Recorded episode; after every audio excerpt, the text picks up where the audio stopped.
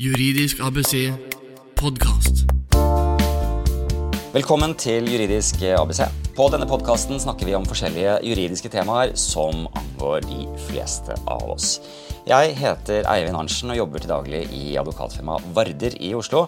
Og siden mitt hovedfagområde er arbeidsrett, og siden jeg vet at mange av dere som hører på denne podkasten jobber innenfor ledelse og HR, så er også en stor andel av episodene innen nettopp arbeidsrett. Og denne episoden er da ikke noe unntak. Vi skal utforske et eh, spennende og viktig begrep i dag. Vi skal snakke om arbeidsrettslig compliance. Eh, og før vi kaster oss over det temaet, så vil jeg bare kort fortelle litt om bakgrunnen for denne episoden. Det er en litt, litt spontan innspilling vi har her i dag.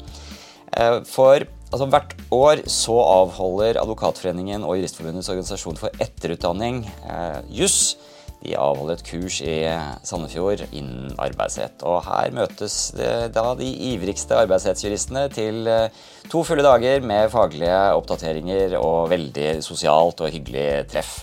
Nå har det vært korona også, så det er noen år siden vi var her sist, og nå er vi tilbake. og altså Selv om mange av vi som er her, er eh, konkurrenter og kan gå i retten som motparter i det daglige, så er det en helt fantastisk og veldig positiv eh, stemning her nede. En hyggelig arena. Og til frokost i dag så ble vi sittende og prate litt rundt det som er dagens tema. Og fikk også lyst til å lage en liten spontan podkast om altså arbeidsrettslig compliance. Så jeg har funnet fram litt mikrofoner og annet utstyr som jeg heldigvis hadde med i bilen. Rigget opp et uh, lite eh, studio her på hotellet. Og nå har det blitt uh, sen ettermiddag. Det har vært en lang kursdag.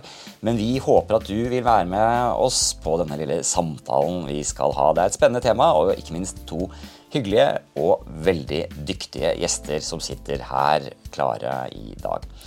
Med oss har vi Kristel Søreide og Jan Fogner, som begge er advokater og partnere i advokatfirmaet Wiersholm.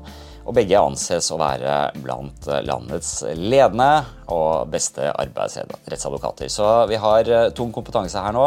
La oss eh, bare rett og slett eh, sette i gang. Velkommen hit til Juridisk ABC, Kristel. Takk skal du ha. Og Jan, velkommen tilbake. Kjempestas. Og nå sitter vi altså her i Sandefjord. Ser utover Sandefjordfjorden. Det er full vinter, det er storm, og vi gleder oss. Fantastisk.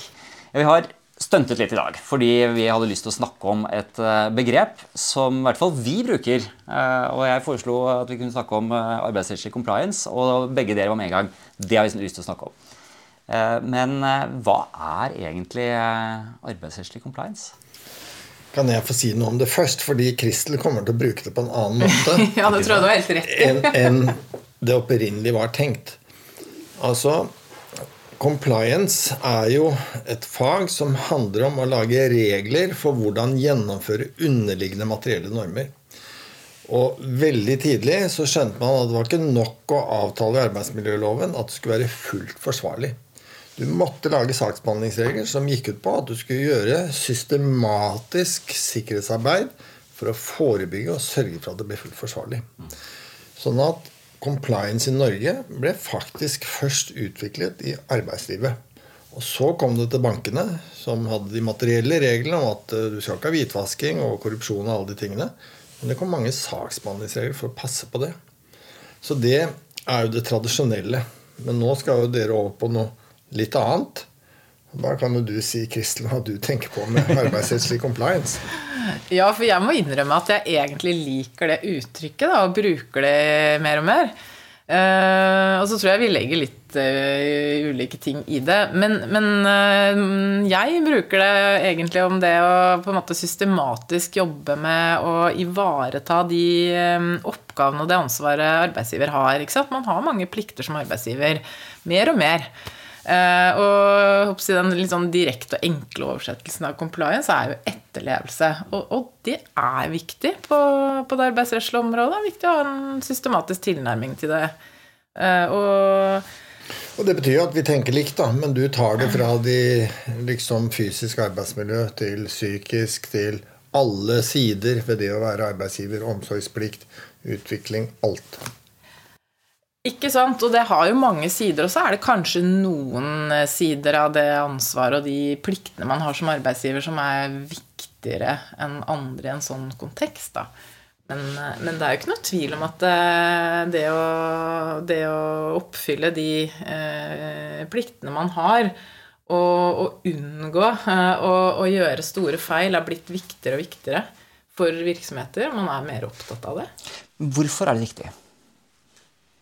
Altså det, er ja. det, er, jo- viktig å etterfølge regler. Det kan man tenke. Altså det, det, det sier seg selv. Altså loven sier at du skal gjøre så og slik. Eh, loven er jo normering av ønsket atferd, eh, og vi ønsker å gjøre det. Men, men er det noe fra et, fra et bedriftsøkonomisk perspektiv, da, f.eks.? Altså, Ja. Hvorfor er det viktig å jobbe med dette?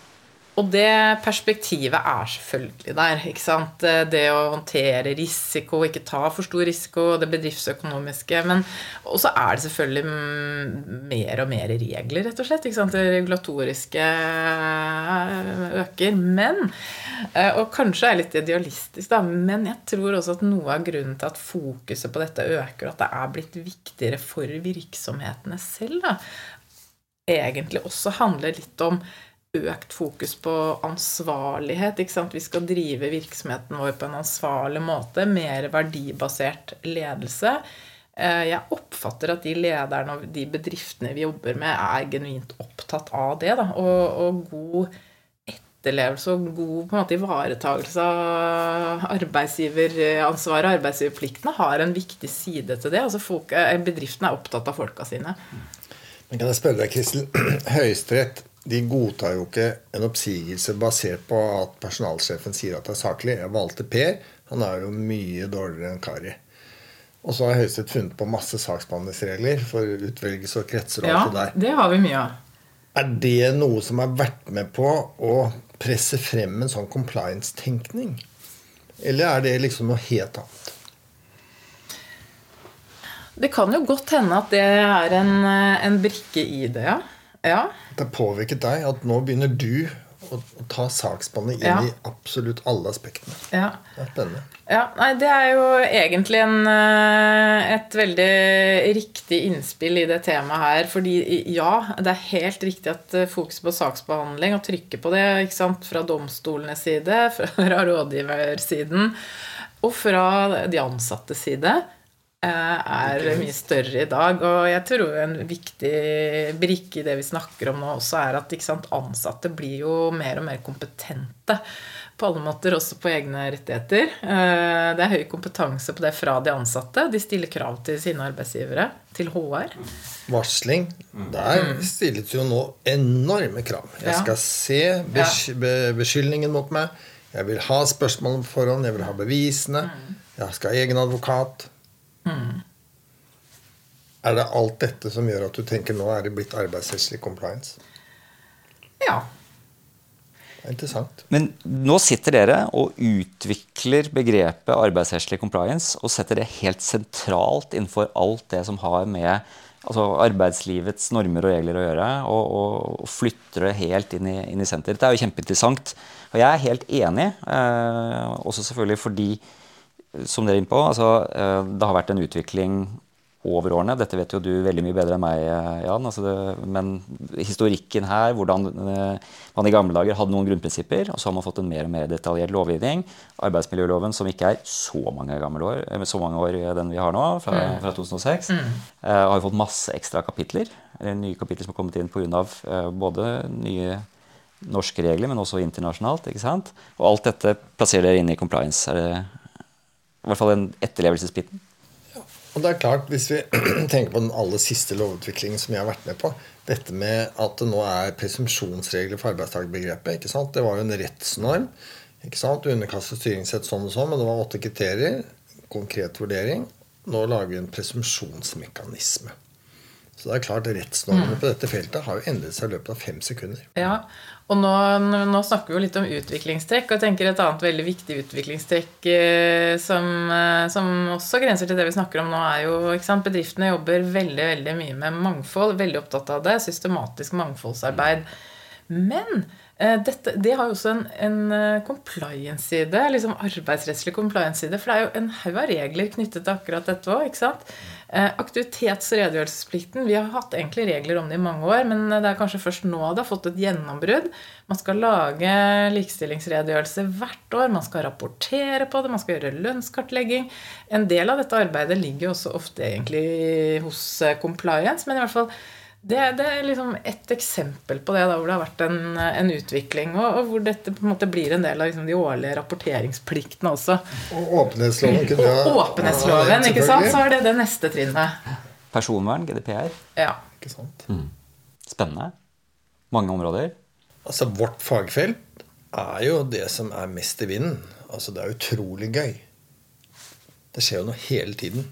Men én ting er for oss. Nå sitter vi her i Sandefjord, mange flinke kollegaer som møtes her og har interesse for arbeidsretten som arbeidsrettsadvokater. Men de dere jobber med i det daglige, det er jo de som er ute i virksomhetene. HR, personal osv. Eh, kan du si litt om hvordan utviklingen har vært innenfor det området? Eh, jeg aner meg at det er en ganske stor utvikling eh, man kan peke på. Mm. Ja, det, tenk, det, det, er jo et eget fag. Altså HR nå er jo en masterutdanning. Og jeg tenker også at eh, det merker vi fra rådgiversiden også. At uh, våre, våre sant, hovedkontakter og klienter er uh, uh, veldig ja, kompetente, erfarne, dyktige mennesker. Og, og sant, de fleste har jo ikke lenger bare den litt sånn personaladministrasjonsblikket på de sakene de jobber med, men de er opptatt av det strategiske, organisasjonsutvikling, ledelse i bred forstand. Og det perspektivet kommer inn i sakene. ikke sant? Mm. HR Norge de har jo konferanser som er store som eh, Folkets hus i Kina. Altså, mm. Det er jo helt enormt. Mm.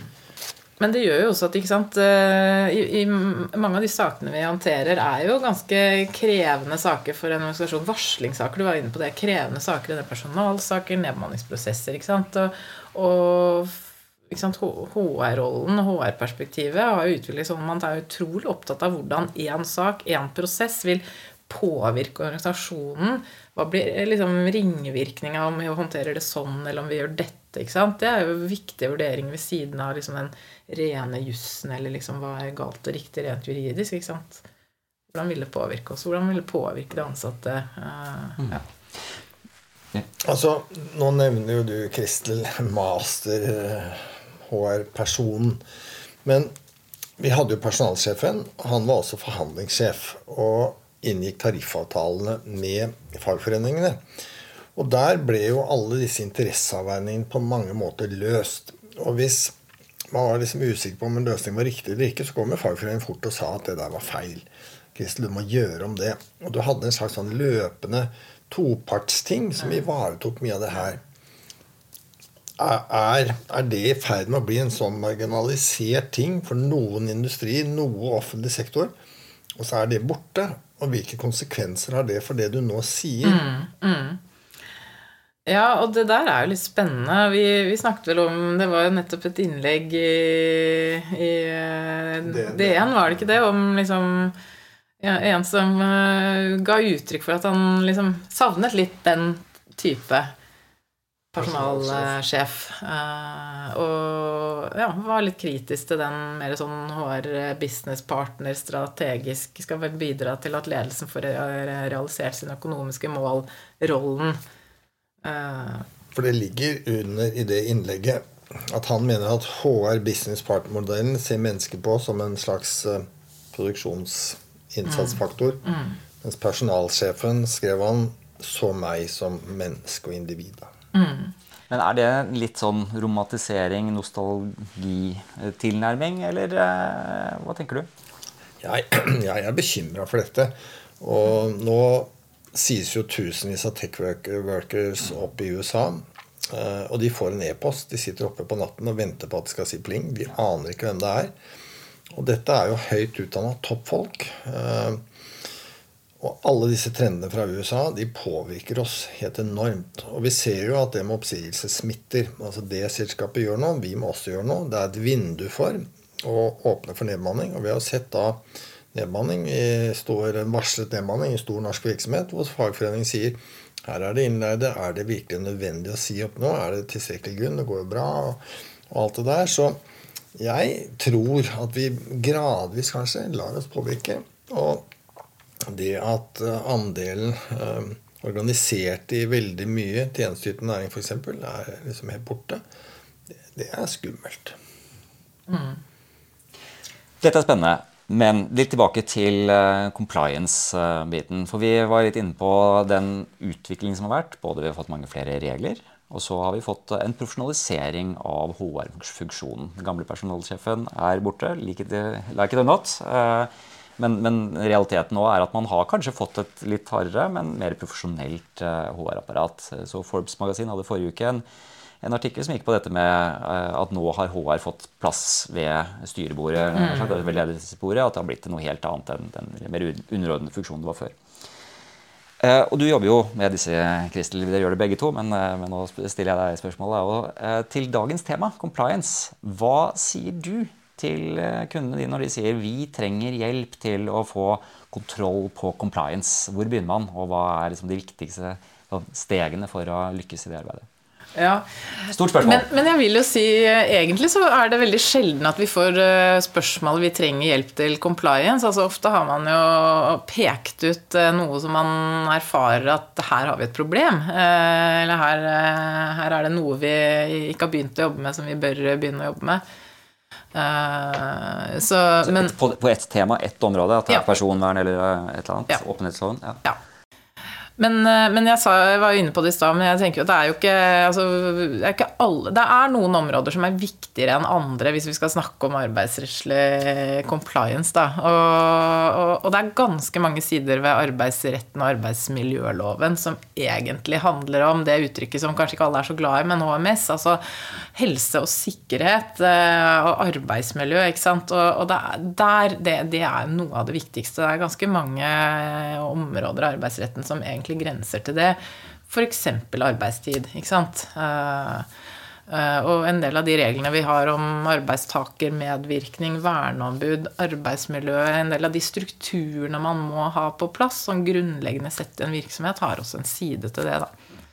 Og det er jo det er kjernen av arbeidsrettslig compliance. Altså det å ha, ha, drive en virksomhet som ivaretar liksom grunnleggende HMS-krav. Men det er klart det ligger under ditt spørsmål, Eivind, at mange er redd nå for å miste oversikten. Altså det er, det er så mye regler. Regelproduksjonen er helt enorm.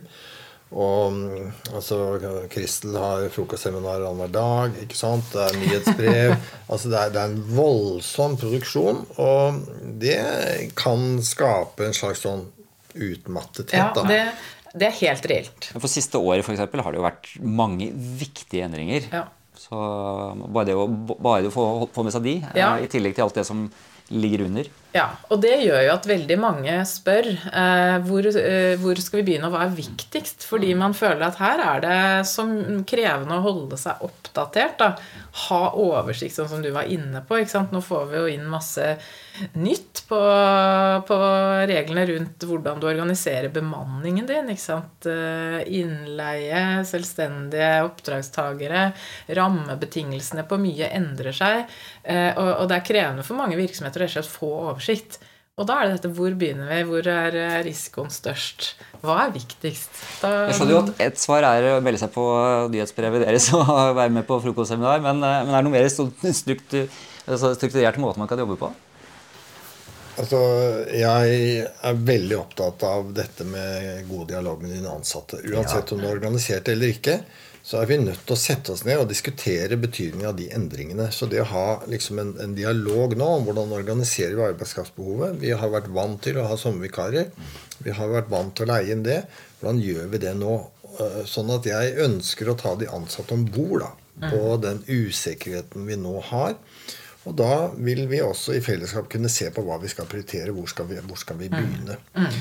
Så jeg tenker på den ene side så er HR-rollen liksom litt på vei bort fra de ansatte. Men skal vi få det å virke godt, da og så Et veldig godt compliance-grep mener jeg er å ha tett forbindelse. Mm. Snakk med folka dine, som jo på mange måter er det som eh, det har ligget der lenge. Men det kommer stadig flere presiseringer i lovverket om at man skal jevnlig drøfte ikke sant? det som er av de sentrale problemstillingene. De har skoa på. Ja. De vet hvor den trykker. Ja. Så det er et veldig konkret grep man kan, eh, kan bruke i det arbeidet. Og det, det er vel kanskje også vanskeligere å se for seg at en virksomhet får uh, sterk kritikk hvis man har tatt uh, mange beslutninger i samråd med de ansatte og, og hatt gode prosesser på det. Ja, det ser vi jo. Ja, jeg tenker det er veldig riktig. Og en annen, vi, vi mm, sitter ned sammen med mange virksomheter nå som nå legger en årsplan. ikke sant? HR legger en årsplan. Dette skal vi jobbe med gjennom året, og en del av de planene handler selvfølgelig ikke om arbeidsrett. eh, ikke sant? Men, men hvor de også legger inn ikke sant? I løpet av dette året så skal vi kartlegge ikke sant? Vi skal skaffe oss oversikt over alle midlertidige kontrakter innleide, selvstendige oppdragstakere. Må ta ting litt én ting av gangen. De rekker ikke alt på én gang, men de har en plan. Og så kan det hende at man først i oktober da, kommer dit og får gjort det og det og det, men da har de en plan. Og jeg tenker at det også er risikoreduserende, da, hvis du skal snakke om det. Uh, jeg tror de strengeste sanksjonene, det, det, det blir det ikke snakk om hvis du viser at du har identifisert hva du må jobbe med, og du har en plan for det. Så tenker jeg også det er viktig å snakke med de som er i samme bransje. Bransjene bør gå sammen og etablere best practice. Åpenhetsloven f.eks. Alle skal ikke sette seg på flyet til Kina. Nei. Men uh, vi må finne ut av hvordan vi håndterer det da, på en koordinert måte. Eh, og jeg tror det ligger veldig mye sånn god læring at du har tenkt det, Eivind. Kristel tenker det, jeg tenker det. Og så til sammen så finner vi liksom noe som er en robust løsning. da. Ja. Og, og det er et veldig godt eksempel på et område hvor, eh, hvor eh, det er helt i tråd med reglenes intensjon at man deler erfaringer og kunnskap sant, i en bransje. Samarbeider. Fantastisk. Og hvis man bare følger de rådene som har kommet nå, så tror jeg man kommer godt i gang med arbeidet. Eh, litt sånn mot eh, slutten her, sånn, når, eh, når dere er her Litt åpent spørsmål. Hvor altså Nå står vi her ved Vi har akkurat kommet i gang med 2023. Eh, verden er i endring. Arbeidslivet er i endring. Hvilke trender er det dere ser noe, er opptatt av, hvor er det fokus ligger i forhold til veien videre? Er det noen gode råd man kan gi til eh, en personalsjef eller en daglig leder som sitter og hører på podkasten? Ja, men jeg, jeg, da har jeg veldig lyst til å, å gå litt tilbake til det du snakket om i, i stad, Jan. Altså hvis vi ser litt hvordan eh, sant, arbeidsliv og verden utvikler seg, hva som liksom virkelig er viktig, så, så tenker jeg det å få god, eh, en god struktur på, en god kultur for den dialogen med de ansatte og med ansattrepresentantene og de tillitsvalgte. Det er så mange utfordringer som kan løses hvis man får til det på en eh, god måte.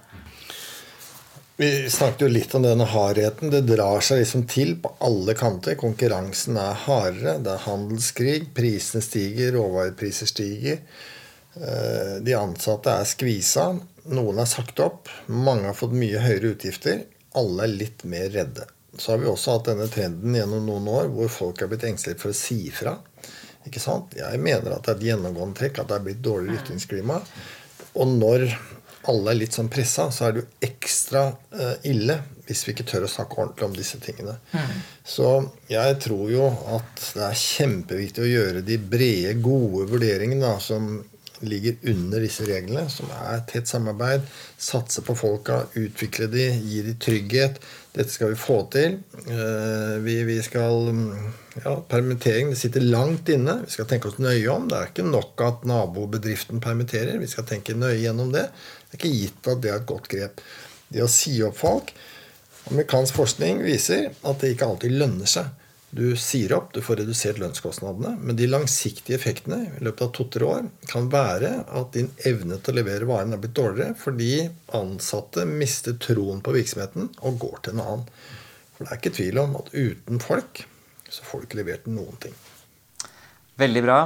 Vi lever i en tid hvor det er mange ressurser det er knapphet på, og tid er en knapp ressurs for oss her i dag. Men tusen takk for at dere ville være med og ha denne praten om eh, arbeidsrettslig compliance. Og jeg håper at eh, alle som hører på, har fått eh, mye inspirasjon og gode råd eh, på veien. Veldig gøy. Tusen takk. Juridisk ABC podkast. Tusen takk for at du hørte på denne episoden av Juridisk ABC. Det kommer nok til å komme en del mer arbeidsrettslig innhold framover, så husk å abonnere på podkasten. Det er jo gøy å være tilbake med litt ny produksjon. Det var en periode hvor det var litt færre podkaster, men eh, målet er at 2023 skal bli fylt med mye spennende innhold. En spesiell takk også til advokatfirmaet Varder, som eh, støtter meg i dette prosjektet. Det setter jeg veldig stor pris på. Det gjør at vi kan lage flere episoder som forhåpentligvis du som lytter vil sette pris på. Husk altså å abonnere, og hvis du syns at det er uh, hyggelig og interessant og lærerikt å høre på Juridisk ABC, så er det én ting jeg setter veldig stor pris på. For den måten du kan støtte podkasten på, er rett og slett å gå inn på iTunes og eh, gi oss en liten rating, legge inn en liten kommentar. Så setter vi veldig stor pris på det. Og jeg håper altså at vi høres eh, på nytt om ikke lang tid. Takk for i dag.